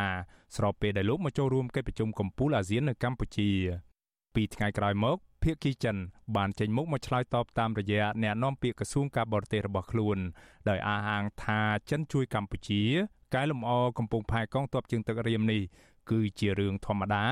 និងមិនដាក់គោលដៅប្រឆាំងភាគីទី3ណាមួយឡើយសាស្ថាបនិកវិទ្យាស្ថានប្រជាធិបតេយ្យកម្ពុជា និងជាអ្នកជំនាញភូមិសាស្ត្រនយោបាយបណ្ឌិតរវណ្ណៈ ពន្យល់ប្រាវិសុយស៊ីស្រីថាការបកស្រាយទាំងសំណាក់ពីភាគីចិន និងភាគីកម្ពុជាខ្លួនឯងមិនអាចធ្វើឲ្យសហរដ្ឋអាមេរិកទុកចិត្តបានឡើយខណៈរឿងនេះលោកថាពាក់ព័ន្ធទៅនឹងកត្តាភូមិសាស្ត្រនយោបាយនិងការប្រកួតប្រជែងអំណាចរវាងសហរដ្ឋអាមេរិកនិងប្រទេសចិន នៅក្នុងតំបន់នេះសហរដ្ឋអាមេរិកមើលឃើញថាចិនគឺជាដៃគូប្រជែងឥទ្ធិពលនិងផលប្រយោជន៍របស់អាមេរិកសំខាន់នៅក្នុងតំបន់អញ្ចឹងវត្តមាននៃឥទ្ធិពលយោធារបស់ចិន នៅក្នុងតំបន់ណាក្នុងប្រទេសណាក៏ដោយវាជាការគម្រាមកំហែងទៅដល់ទូនាទីទៅដល់ផលប្រយោជន៍របស់អាមេរិកសម្ព័ន្ធមិត្តរបស់អាមេរិកនិងដៃគូយុទ្ធសាស្ត្ររបស់អាមេរិកបើយើងនិយាយពីដៃគូយុទ្ធសាស្ត្ររបស់អាមេរិកនៅអាស៊ីអាគ្នេយ៍គឺវៀតណាមនឹងហើយអញ្ចឹងវៀតណាមគឺជាដៃគូយុទ្ធសាស្ត្ររបស់អាមេរិកហើយបើសិនជាលទ្ធភាពនៃវត្តមានយោធារបស់ចិនមានមែននៅក្នុងប្រទេសកម្ពុជាវាជាការគម្រាមកំហែងទៅដល់សន្តិសុខរបស់តំបន់ឬក៏របស់ដៃគូយុទ្ធសាស្ត្រនឹង រីឯអ្នកវិភាគនយោបាយឥតសំចៃមាត់ដែលបច្ចុប្បន្នកំពុងរស់នៅភៀសខ្លួននៅប្រទេសហ្វាំងឡង់ដើម្បីគេចចេញពីការតាមធ្វើទុកបុកម្នេញពីសំណាក់រដ្ឋាភិបាលលោកនាយរដ្ឋមន្ត្រីហ៊ុនសែនគឺលោកកឹមសុខលោកមើលឃើញថារឿងរ៉ាវសមុទ្ររៀមនេះនឹងរឹតតែមានការប្រឈមមុខដាក់គ្នាកាន់តែខ្លាំងរវាងភៀកគីសហរដ្ឋអាមេរិកនិងភៀកគីចិនបើតាមលោកកឹមសុខមូលហេតុមួយនោះគឺដោយសារតែនារយៈពេលចុងក្រោយនេះកម្ពុជាបានឈានទៅចុះកិច្ចសហប្រតិបត្តិការយោធានិងសន្តិសុខ ជាជំហរជាមួយប្រទេសចិនភាពច្បាស់លាស់មួយនៅត្រង់ថា ពីមុនវត្តមានកងទ័ពចិននៅលើទឹកដីកម្ពុជាគ្រាន់តែជាការសង្ស័យទេប៉ុន្តែមកដល់ពេលនេះរដ្ឋាភិបាលចិននិងរដ្ឋាភិបាលលោកហ៊ុនសែនរហូតទៅដល់ប្រកាសជាចំហអំពីការចុះកិច្ចព្រមព្រៀងសហប្រតិបត្តិការកងទ័ពនៃរដ្ឋាភិបាលទាំងពីរតែម្ដងមិនដែលមានពីមុនមកទេមានន័យថា រដ្ឋាភិបាលលោកហ៊ុនសែននិងរដ្ឋាភិបាលចិនកាន់តែបង្ហាញជាចំហនិងស៊ីជម្រៅនៅអ្វីដែលជាសហប្រតិបត្តិការនៃកងទ័ពរដ្ឋាភិបាលទាំងពីរកម្ពុជានិងចិននៅក្នុងដំណើរទស្សនកិច្ចផ្លូវការរបស់នាយករដ្ឋមន្ត្រីចិនលោកលីខឺឈៀងមកកាន់កម្ពុជានៅមុនពេលកិច្ចប្រជុំកំពូលអាស៊ានបានចុះកិច្ចព្រមព្រៀងជាច្រើន នៅក្នុងនោះភាគីទាំងពីរបានឯកភាពថានឹងពន្លឿនកសាងសហគមន៍វាសនារួមកម្ពុជាចិន ដោយសន្យាថានឹងប្រើប្រាស់ឲ្យអស់នៅសក្តានុពល នៅយន្តការនៃការផ្លាស់ប្ដូរនិងកិច្ចសហប្រតិបត្តិការយោធា ដោយបង្កើនទំនាក់ទំនងរវាងស្ថាប័នការពារជាតិនិងយោធាគ្រប់កម្រិតនៃប្រទេសទាំងពីរតាមរយៈកិច្ចសហប្រតិបត្តិការជាក់ស្ដែងដូចជាការបណ្ដុះបណ្ដាលនិងការហ្វឹកហាត់រួមគ្នា ការផ្ដល់បរិក្ខារយោធា បច្ចេកវិទ្យាសេវាសុខាភិបាល Logistics និងសន្តិសុខពហុភាគីលោកកឹមសុខ មើលឃើញថាការប្រកាសជាចំហបែបនេះសហរដ្ឋអាមេរិកទំនងជាមិនអាចទទួលយកបាននោះឡើយហើយរដ្ឋាភិបាលចិនដឹងថាក្រុមរបស់លោកហ៊ុនសែនកំពុងជាប់អន្ទាក់មិនអាចរើខ្លួនរួចកម្ពុជានិងសាធារណរដ្ឋចិន បានបើកការដ្ឋានគម្រោងធ្វើទំនើបកម្មកំពង់ផែកងទ័ពជើងទឹករៀមកាលពីថ្ងៃទី8ខែមិថុនា គម្រោងរយៈពេល2ឆ្នាំនេះគឺជាជំនួយឥតសំណងរបស់រដ្ឋាភិបាលចិនដល់កងទ័ពជើងទឹកកម្ពុជាក៏ប៉ុន្តែទាំងភៀកគីកម្ពុជា និងទាំងភៀកគីចិនពុំបានលាតត្រដាងឲ្យដឹងពីចំនួនទឹកប្រាក់ជាក់លាក់នៃជំនួយយោធានេះទេគម្រោងនេះមានដូចជាការសាងសង់រោងជាងជួសជុលនាវា ផែសម្ចតនិងស្ដារឃ្លោងជាដើមហើយត្រូវបានអនុវត្តដោយក្រុមហ៊ុនគ្រប់គ្រងដោយរដ្ឋអំណាចចិនមួយឈ្មោះថា Metallurgical Group Corporation ដែលបានចុះកិច្ចព្រមព្រៀងជាមួយរដ្ឋាភិបាលកម្ពុជា តាំងពីឆ្នាំ2016មក នៅមុនពេលបើកការដ្ឋាននេះសារព័ត៌មានអាមេរិកឈ្មោះ The Washington Post បានស្រង់សម្ដីមន្ត្រីជំនាញនៃប្រទេសលោកខាងលិចមកចុះផ្សាយថាប្រទេសចិន កំពុងលួចសាងសង់មូលដ្ឋានកងទ័ពជើងទឹករៀមដោយសម្ងាត់នៅកម្ពុជា សម្រាប់បម្រើឲ្យវិស័យយោធាផ្ដាច់មុខ ដោយឡែកកាលពីខែកក្កដាឆ្នាំ2019កាសែត The Wall Street Journal បានទម្លាយព័ត៌មានថារដ្ឋាភិបាលលោកនាយរដ្ឋមន្ត្រីហ៊ុនសែនបានលួចចុះកិច្ចព្រមព្រៀងជាសម្ងាត់ជាមួយសាធារណរដ្ឋចិន ដែលអនុញ្ញាតឲ្យកងទ័ពនៃប្រទេសនេះអាចប្រើប្រាស់កំពង់ផែកងទ័ពជើងទឹករៀមដោយផ្ដាច់មុខរហូតដល់រយៈពេល30ឆ្នាំហើយកិច្ចព្រមព្រៀងនេះអាចបន្តរៀងរាល់10ឆ្នាំម្ដងអ្នកនាំពាក្យផ្លូវការនៃកិច្ចប្រជុំកំពូលអាស៊ាន លោកគង់ភោគកាលពីថ្ងៃទី12ខែវិច្ឆិកាបានបកស្រាយថារាល់ការពន្យល់របស់កម្ពុជានឹងការអនុញ្ញាតឲ្យទៅមើលដល់ទីតាំងកំពង់ផែរៀមដោយផ្ទាល់សម្រាប់ភៀកគីអាមេរិកនិងប្រទេសពាក់ព័ន្ធគួរតែគ្រប់គ្រាន់សម្រាប់ប្រទេសទាំងនោះវាតម្លៃដោយយុត្តិធម៌សម្រាប់កម្ពុជា យើងមិនដែល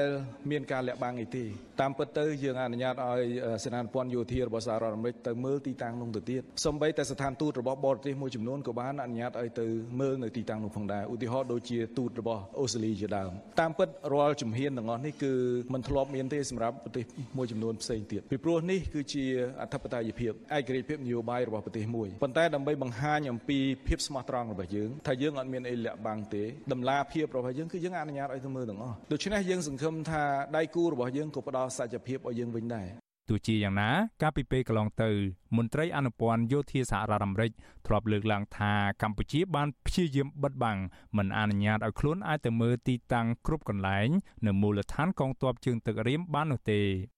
អ្នកជំនាញវិជាសាស្ត្រនយោបាយបណ្ឌិតរវណ្ណៈយល់ថារឿងរ៉ាវចម្រូងចម្រាសនៅកំពង់ផែកងទ័ពជើងទឹករៀមនេះ នឹងមិនងាយដាច់ស្រេចឡើយដរាបណាកម្ពុជាបង្ហាញដំណាភាពបែបស្រពេចស្រពិល លោកថាកម្ពុជាគួរព្យាយាមសម្របសម្រួល និងបង្ហាញដំណាភាពកាន់តែទូលំទូលាយជាងមុន ដែលអនុញ្ញាតឲ្យភាគីមហាអំណាចដទៃទៀតដែលមានដូចជាបារាំងអូស្ត្រាលីជប៉ុនអាល្លឺម៉ង់សហគមន៍អឺរ៉ុបឬបណ្ដាប្រទេសដទៃទៀតនៅអាស៊ីអាចចូលទៅមើលតំបន់នេះបានឲ្យបានកាន់តែទូលំទូលាយដោយប្រកាន់ខ្ជាប់នៅគោលនយោបាយការបរទេសអព្យាក្រឹតឯករាជ្យនិងមិនរណបទៅនឹងបរទេសណាមួយ ទន្ទឹមនឹងនេះលោកថាកម្ពុជាខ្លួនឯងក៏ត្រូវធានាឲ្យបាននូវការអនុវត្តលទ្ធិប្រជាធិបតេយ្យសេរីពហុបកពិតប្រាកដជាពិសេសនៅក្នុងស្ថាប័នសភាដើម្បីធានានូវនយោបាយការបរទេសឯករាជ្យ បង្ហាញទៅប្រទេសមហាអំណាចថាកម្ពុជាគឺអនុវត្តតាមរដ្ឋធម្មនុញ្ញដែលមានចែងនៅក្នុងរដ្ឋធម្មនុញ្ញឆ្នាំ1993ហ្នឹងគឺជាតៃសេរីពហុបកហើយនយោបាយការបរទេសឯករាជ្យហ្នឹងគឺវិតរយន្តការប្រជាធិបតេយ្យរបស់យើងកាន់តែរឹងមាំហើយមានយន្តការរស់រវើកនៃអង្គការសង្គមស៊ីវិលក្រមផលប្រយោជន៍និងគណៈបកជំទាស់ដែលរស់រវើកដើម្បីធ្វើឲ្យឃើញថាយើងមានពហុនិយមពហុបកអញ្ចឹងការលៀបពណ៌របស់មហាអំណាចថាយើងផ្អៀងឬក៏យើងអាចធ្វើឲ្យមានលទ្ធភាព នៃកវត្តមានយោធារបស់បរទេសវាកាត់បន្ថយដល់ការគ្រប់គ្រងបែបសភាឯកបៈបែបនេះប្រទេសមហាអំណាចគេគួយបារម្ភពីលទ្ធភាពនៃការរក្សាគេហៅចំហអភិក្រិតរបស់ខ្លួនចំពោះនឹងមហាអំណាចដ៏ធំនឹងវាខែទៅវាពិបាកព្រោះយើងអត់មានយន្តការនៃការទប់អំណាចនៅក្នុងយន្តការសភាក្នុងជំនួបទ្វេភាគីជាមួយលោកនាយរដ្ឋមន្ត្រីហ៊ុនសែនកាលពីថ្ងៃទី12ខែវិច្ឆិកាប្រធានាធិបតីសហរដ្ឋអាមេរិក លោក Joe Biden បានលើកឡើងពីកង្វល់នានាជំវិញស្ថានភាពនៅមូលដ្ឋានកងទ័ពជើងទឹករៀមនិងបានគូបញ្ជាក់អំពីសារៈសំខាន់នៃការបង្ហាញដំណាភាពពេញលេញអំពីសកម្មភាពនានាដោយយោធានៃសាធារណរដ្ឋប្រជាមានិតចិន នៅឯមូលដ្ឋានកំពង់ផែរៀមលោក Joe Biden ក៏បានជំរុញឲ្យលោកនាយរដ្ឋមន្ត្រីហ៊ុនសែនបើកចំហលំហសង្គមស៊ីវិលនិងនយោបាយនៅកម្ពុជា នៅមុនការបោះឆ្នោតជាតិឆ្នាំ2023ខាងមុខនេះខ្ញុំបាទមេរិត Visual C ស្រីរាយការណ៍ពីរដ្ឋធានី Washington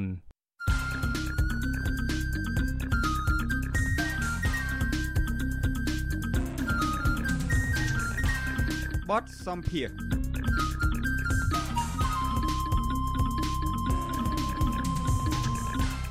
ចាលោកនាងកញ្ញាកំពុងស្ដាប់ការផ្សាយរបស់វិទ្យុអសីស្រីផ្សាយចេញពីរដ្ឋធានី Washington លោកមេធាវីជួងជងីដែលតែងតែចេញមុខការពីក្តីក្រុមមេដឹកនាំគណៈបពប្រឆាំងហើយគេដាក់រហ័សនាមថាជាមេធាវីមិនដែលឈ្នះក្តីនោះឥឡូវលោកបានប្រកាសចូលធ្វើនយោបាយជាមួយគណៈបកភ្លើងទៀនហើយចាប់ពីថ្ងៃទី17ខែវិច្ឆិកានេះតទៅ លោកនឹងលះបង់អាជីពជាមេធាវីហើយវិលចូលឆាកនយោបាយវិញម្ដងសម្រាប់ការបោះឆ្នោតជាតិនៅឆ្នាំ2023ខាងមុខតើមូលហេតុអ្វីបានជាលោកមេធាវីជួងជងីអះអាងថាការចូលរួមឆាកនយោបាយអាចជួយសង្គមបានច្រើនជាងអាជីពជាមេធាវីចាសសូមលោកនាងស្ដាប់ការបកស្រាយរបស់លោកមេធាវីជួងជងីតាមរយៈបទសម្ភាសជាមួយនឹងលោកជុនច័ន្ទបុតជំវិញបញ្ហានេះដូចតទៅ ដែលហេតុថានេះជាកិត្តិយសរបស់ខ្ញុំណាស់ហើយខ្ញុំជឿថាអ្នកស្ដាប់ក៏ចង់ដឹងច្រើនដែរតើលោកជួងជងីហេតុអីបានសម្រេចចិត្តអ្នកដែលធ្វើអ្នកច្បាប់តាមពិតគេមានណាដោយលោកមេធាវីលោកជួងជងីរៀបរាប់ជាងគេត្រូវគ្នាជាមួយតឡាការទៅកូនក្តីអ្នកមានអីទៅមកអាចឲ្យលុយឲ្យកាក់អីអីចឹងទៅក៏ប៉ុន្តែលោកមេធាវីលោកជួងជងីហ្នឹងគឺក្រហើយមិនត្រូវជាមួយតឡាការ challenge លោកថាប្រើពាក្យថា challenge គឺថាប្រឈមជាមួយតតាំងជាមួយតឡាការអីជាដើមតើមានហេតុផលអីនៅក្នុងជីវិតរបស់លោកមានអ្វីដែលធ្វើឲ្យលោកជួងជងីនឹងសម្រេចចិត្តថារៀនច្បាប់ហើយបន្ទាប់ពីរៀនច្បាប់ហើយការពារដល់ជនក្រីក្រ ការពារដល់សកម្មជនដែលត្រូវគេធ្វើទុកបុកម្នេញនោះតើតើមានអ្វីនៅក្នុងជីវិតរបស់លោក ការតាំងចិត្តដែលធ្វើជាមេធាវីរបៀបលោកនេះ ពីក្មេងមកខ្ញុំ ជួបឃើញមានការបំពេញគ្នាទៅវិញទៅមកច្រើនមានអ្នកខ្លាំងអ្នកបកកាយបំពេញទៅលើអ្នកខ្សោយអ្នកទុនខ្សោយហើយដល់អញ្ចឹងទឹកចិត្តខ្ញុំស្អប់ការបំពេញស្អប់អំពើអយុត្តិធម៌អញ្ចឹងពេលដែលខ្ញុំដឹងក្តីកាលណាខ្ញុំចង់ធ្វើម៉េចឲ្យសង្គមមានយុត្តិធម៌ហើយខ្ញុំគិតថាក្នុងជីវិតរបស់ខ្ញុំនឹងគឺបំរើជីវប្រយោជន៍ដល់សង្គមច្រើនកាលណាល្អកាលនោះហើយខ្ញុំដើរទៅលើវិស័យយុត្តិធម៌នឹងជាចម្បងពីព្រោះខ្ញុំគិតថាអ្វីៗទាំងអស់បើអត់មានយុត្តិធម៌ទេស្រុកអត់មានសន្តិភាពទេ ហើយខ្ញុំក៏ចាប់អារម្មណ៍ដែរថារដ្ឋាភិបាលខ្មែរយើងស្រេចតែការពារសន្តិភាពអគុណសន្តិភាពប៉ុន្តែខ្ញុំគិតថាដើម្បីមានសន្តិភាពត្រូវតែមានយុទ្ធធម៌ជាចម្បងតែកាលណាមានយុទ្ធធម៌ហើយគឺគ្មានអ្នកណាចង់បានទុកទេគឺសន្តិភាពបានដោយឯងឯងដូច្នេះខ្ញុំផ្ដោតទៅលើយុទ្ធធម៌ជាចម្បងដូច្នេះក្នុងជីវិតរបស់ខ្ញុំគឺលះបង់ដើម្បីយុទ្ធធម៌ឲ្យច្រើនបំផុតតាមដែលអាចធ្វើបានលុយមិនមែនជាគោលដៅទី1របស់ខ្ញុំទេ ក្នុងជីវិតរបស់ខ្ញុំបើខ្ញុំអាចជួយបានយុទ្ធធម៌កាលណាគឺបានន័យថាខ្ញុំមានប្រយោជន៍ដល់សង្គមខ្ញុំមានគុណបំណាច់ដល់សង្គមខ្ញុំអាចជួយជាតិជួយសង្គមបានច្រើនកាលនោះហើយពេលដែលខ្ញុំតតាំងក្តីទៅទោះបីខ្ញុំមិនមានទ្រព្យច្រើនក្តីប៉ុន្តែខ្ញុំបានបេះដូងប្រជាពលរដ្ឋគាត់ស្រឡាញ់ខ្ញុំគាត់អរគុណខ្ញុំគាត់គ្រប់គ្រងខ្ញុំអានឹងគឺជាការលើកទឹកចិត្តធ្វើឲ្យខ្ញុំខំតទៅទៀតបាទបាទ តើដំណឹងនៃការដែលលោកជួងជងីថានឹងហក់ចូលមកក្នុងនយោបាយវិញនេះតើវាអាចផ្ទុយគ្នាទៅនឹងគោលការណ៍របស់លោកដែលថាត្រូវការចង់ជួយការពារយុទ្ធធម៌ដែរទេនៅពេលដែលហក់ចូលនយោបាយតើលោកអាចនឹងបន្តធ្វើជាមេធាវីការពាររោគយុទ្ធធម៌បានទេឬមួយក៏ការហក់ចូលក្នុងនយោបាយនេះជាការមួយដែលអាចវិធីណានោះអាចជួយរកយុទ្ធធម៌ដល់ប្រជាពលរដ្ឋបានដែរតើជួយពន្យល់ចំណុចនឹងបានដែរទេបាទប៉ុណ្ណា បើយើងធ្វើនយោបាយយើងជួយបានទលាយបានល្អជាង មានប្រសិទ្ធភាពជាងបើយើងធ្វើគ្រាន់តែជាមេធាវីមែនតែនទៅមេធាវីសេចក្តីសម្រេចនៅតុលាការមិនមែននៅលើមេធាវីទេអញ្ចឹងក្នុងអាជីពមេធាវីចិត្ត20ឆ្នាំមកហ្នឹងជាញឹកខ្ញុំខកខកចិត្តខកចិត្តនៅពេលដែលតុលាការចេញសេចក្តីសម្រេចមកដែលយើងនៅពេលដែលយើងកាន់ក្តីយើងច្បាស់ណាស់រឿងក្តីរបស់យើងគួរតែលទ្ធផលទៅយ៉ាងម៉េចប៉ុន្តែជាញឹកញាប់យើងខកចិត្តនៅពេលដែលសេចក្តីសម្រេចរបស់តុលាការអឺសម្រេចមកធ្វើឲ្យយើង ពិបាកទទួលយកប៉ុន្តែយើងអត់មានជំរឿសយើងត្រូវតែប្រឈមតទៅទៀតដោយមានការលើកទឹកចិត្តពីកងក្តីរបស់យើងនិងមានការលើកទឹកចិត្តពីប្រជាប្រដ្ឋទូទៅអញ្ចឹងខ្ញុំគិតថាដើម្បីឲ្យជួយយុទ្ធធម៌បានពីព្រោះខ្ញុំដូចជាអស់ចិត្តហើយថាក្នុងអាជីពមេធាវីมันអាចជួយយុទ្ធធម៌បានលើសពីអ្វីដែលខ្ញុំធ្វើកន្លងមកតើជាជាអ្នកនយោបាយតើអាចជួយរកយុត្តិធម៌បានទូលាយជាងបែបណាទៅប្រកាសណាស់ហើយគឺអ្នកនយោបាយគឺទៅធ្វើច្បាប់កណ្ណាច្បាប់ល្អគឺផ្ដល់ឱកាសឲ្យមានយុត្តិធម៌សង្គមបានល្អជាង ពីព្រោះខ្ញុំសង្កេតឃើញថាកន្លងមកហ្នឹងច្បាប់យើងនៅមានការខ្វះខាតច្រើនហើយច្បាប់ខ្លះហ្នឹងក៏អត់សូវសមប្រកបទៅនឹងតម្រូវការសង្គមដែរហើយក៏ប៉ុន្តែលោកមេធាវីសំកាត់លោកជុងជងីច្បាប់ជារឿងមួយស្រុកយើងធ្វើត្បិតច្បាប់មិនល្អយ៉ាងណាក៏ដោយចុះក៏មានច្បាប់ដែលសំខាន់បំផុតការអនុវត្តច្បាប់នោះបាទហ្នឹងគឺដំណាក់កាលទី2ការងារទី2របស់អ្នកនយោបាយពីព្រោះអ្នកនយោបាយដូចជាសភាសមាជិករដ្ឋសភាគាត់អាចតាមមើលសកម្មភាពរបស់រដ្ឋាភិបាលក្នុងការអនុវត្តច្បាប់ហ្នឹង កាលណារដ្ឋាភិបាលអនុវត្តត្រឹមត្រូវគាត់អាចហៅមកសួរដេញដោគាត់អាចអនុម័តញាប់បន្ទោសគាត់អាចដាក់សម្ពាធហើយក្នុងតំណាងរាស្ត្រគឺមានការគ្រប់គ្រងមមជាងពីមហាជនមេធាវីមានការគ្រប់គ្រងតិចទេតែបើតំណាងរាស្ត្រមានការគ្រប់គ្រងខ្លាំងជាងមានកម្លាំងខ្លាំងជាងហើយអាចតស៊ូថ្នាក់ជាតិថ្នាក់អន្តរជាតិបានខ្លាំងជាងអានេះយើងអាចជួយបានច្រើនជាងហើយមេធាវីมันអាចចុះទៅជួបមហាជនបានទលាយមានការរដ្ឋបិទក្នុងក្នុងវិជ្ជាជីវៈនឹង តែប៉ុន្តែបើអ្នកនយោបាយវិញគឺជួបទូលាយតែម្ដងបាទឥឡូវចូលនយោបាយហើយហើយលោកជ្រើសរើសថាចូលជាមួយនឹងគណៈបកភ្លើងទៀនដែលយើងដឹងមកហេតុអីមិនចូលភ្លើងទៀនហេតុអីមិនចូលជាមួយគណៈបកប្រជាជនកម្ពុជានៅពេលនោះគឺថាដោយភាសាអ្នកខ្លះថាដកចង់ចាប់ខ្លាដើម្បីចូលរួមខ្លានោះហេតុអីរវាងគណៈបកប្រជាជនកម្ពុជាឬគណៈបកដទៃទៀតនឹងហេតុអីក៏សម្រេចចិត្តភ្លើងទៀនបាទក្នុងការសម្រេចចិត្ត អឺនៅពេលដែលមនុស្សម្នាក់ឬក៏បុគ្គលម្នាក់គាត់សម្រេចចិត្តថាធ្វើនយោបាយគាត់ប្រកាសជាមើលហើយថាតើធ្វើនយោបាយដើម្បីអំណាចខ្លួនឯងឬក៏ធ្វើធ្វើនយោបាយដើម្បីប្រយោជន៍សង្គមប្រសិនដើម្បីប្រយោជន៍ខ្លួនឯងទេគឺចូលទៅគណៈបព្វជិជនទៅគឺអត់មានការប្រឈមអីទាំងអស់ប៉ុន្តែបើដើម្បីប្រយោជន៍សង្គមឬក៏មួយទៀតគេត្រូវមើលថាតើហេតុអីបានធ្វើនយោបាយដើម្បីអ្វីគឺគោលដៅសំខាន់ក្នុងការធ្វើនយោបាយដើម្បីផ្លាស់ប្ដូរឲ្យកាន់តែប្រសើរឡើងហើយបើសិនយើងធ្វើនយោបាយមិនឲ្យមានការផ្លាស់ប្ដូរកាន់តែប្រសើរឡើង អាហ្នឹងគឺដូចជាអត់មានត្រូវការធ្វើនយោបាយទេហើយបើដើម្បីឲ្យមានការផ្លាស់ប្ដូរកាន់តែផ្សារឡើងយើងមើលថាតើគណៈបកកណ្ដាលអំណាចឬក៏គណៈបកប្រឆាំងបើយើងយល់ឃើញថាគណៈបកកណ្ដាលអំណាចដឹកនាំល្អហើយយើងចូលគណៈបកកណ្ដាលអំណាចទៅប៉ុន្តែសម្រាប់ខ្ញុំខ្ញុំមើលឃើញថាខ្វះខាតច្រើនដូច្នេះខ្ញុំត្រូវមើលទៅគណៈបកប្រឆាំងហើយគណៈបកប្រឆាំងយើងមើលតើតើគណៈបកណាដែលមានឥទ្ធិពលដែលមានគោលការណ៍ល្អដែលមានស្មារតីល្អក្នុងការតតាំងគឺមានតែគណៈបកភ្លើងទៀនតែមួយគត់ហើយខ្ញុំសង្កេតឃើញថាទី1គណៈបកភ្លើងទៀន គាត់រក្សាស្មារតីបាន ពីគណៈបកជាតិខ្មែរមកទី2ជាទូទៅគណៈបកភ្លើងទៀនហ៊ានហ៊ានប្រឈមជាងគណៈបកផ្សេងផ្សេងទៀតគណៈបកផ្សេងផ្សេងទៀតអត់ហ៊ានប្រឈមដូចជាគណៈបកភ្លើងទៀនទេ ទី3គណៈបកភ្លើងទៀនគឺខ្ញុំសង្កេតឃើញថារក្សាបាននៅគុណធម៌3តាមបាវចនាសិលធម៌សច្ចធម៌និងយុត្តិធម៌និងទី4គឺស្រុកខ្មែរយើង បើមិនឬគណៈបកភ្លើងទៀនទេគឺចំណាយពេលវេលាចំណាយថវិកាចំណាយពេលវេលាអត់បានការទេគឺត្រូវរើសគណៈបកភ្លើងទៀនទើបមានកម្លាំងទៅតតាំងមានការផ្លាស់ប្ដូរជីវិតជានិច្ចបាទអរគុណចំពោះការបកស្រាយនេះអឺនៅពេលដែលហក់ចូលមកក្នុងអឺជាអ្នកនយោបាយ ហើយបើតាមដឹងនឹងលោកនឹងគឺជាសមាជិកនៃគណៈមេធាវីផងហើយប្រធានគណៈមេធាវីពេលនេះគឺលោកលីច័ន្ទតុលានឹងជាអ្នកដែលការពិតនឹងរំលាយគណៈបកសង្គ្រោះជាតិនឹងផងតើលោកមានព្រួយបារម្ភថាគេអាចនឹងដកលោកចេញពីសមាជិកនៃគណៈមេធាវីទេនៅពេលដែលលោកប្រកាសថាចូលនយោបាយហើយជាពិសេសចូលរួមជាមួយនឹងគណៈបកភ្លើងទៀនទៀតនេះ អឺខ្ញុំអត់មានការព្រួយបារម្ភទេពីព្រោះខ្ញុំទុកឲ្យមហាជនជាអ្នកវិនិច្ឆ័យជាអ្នកកត់សម្គាល់ទៅពីព្រោះថាបុគ្គលមួយរូបមួយរូបពេលដែលគាត់ប្រព្រឹត្តអំពើអ្វីមួយ វាទៅជាការប្រវត្តិទៅជាប្រវត្តិនិងទៅជាការប្រវត្តិកត់ត្រារហូតតកូនតចៅ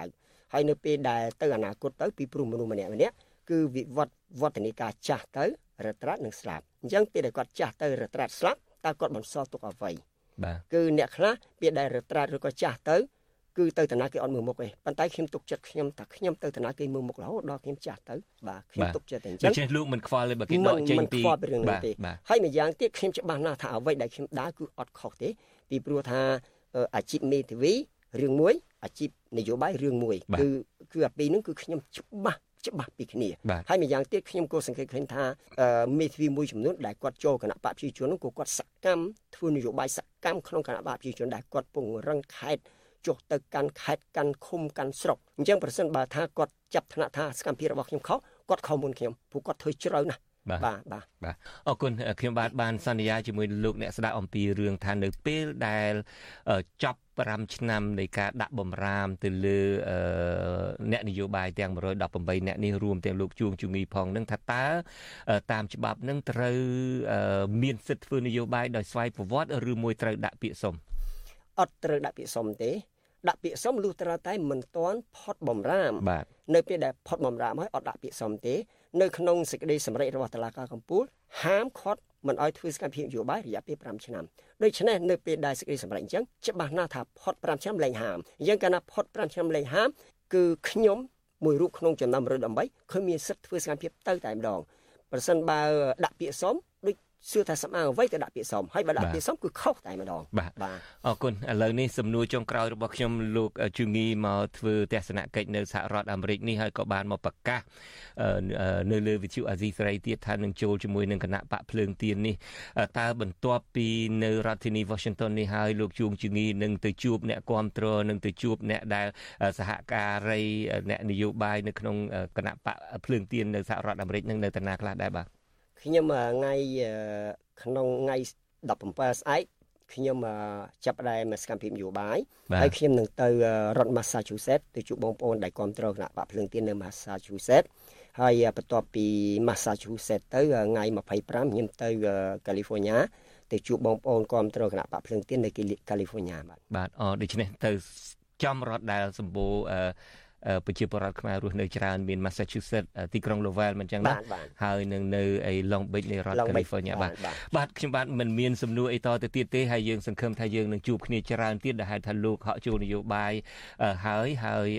មានអ្វីជាចុងក្រោយទេមានតែជូនពរលោកឲ្យដំណើរទស្សនកិច្ចនៅសហរដ្ឋអាមេរិកនេះហើយជីវភាពថ្មីជាអ្នកនយោបាយនេះឲ្យ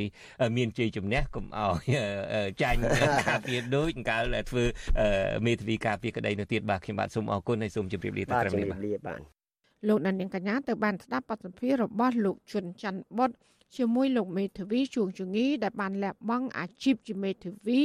ហើយវិលចូលឆាកនយោបាយវិញម្ដងសម្រាប់ការបោះឆ្នោតជាតិនៅឆ្នាំ2023ខាងមុខ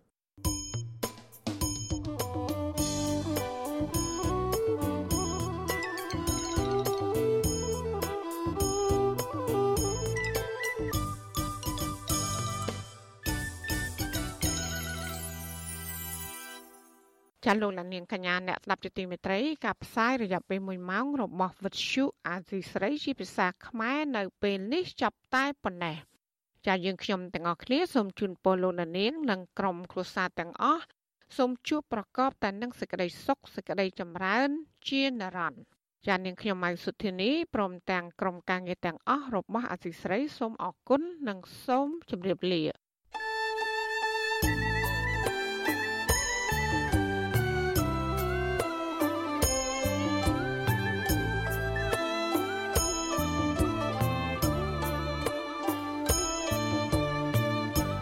វិទ្យុអាស៊ីសេរីផ្សាយតាមរលក ធារកាសខ្លីឬ shortwave តាមកម្រិតនិងកម្ពស់ដូចតទៅនេះពេលព្រឹកចាប់ពីម៉ោង5កន្លះដល់ម៉ោង6កន្លះតាមរយៈរលក ធារកាសខ្លី9390 kHz ស្មើនឹងកម្ពស់ 32m និង11850 kHz ស្មើនឹងកម្ពស់ 25m ពេលយប់ចាប់ពីម៉ោង7កន្លះដល់ម៉ោង8កន្លះតាមរយៈរលកធារកាសខ្លី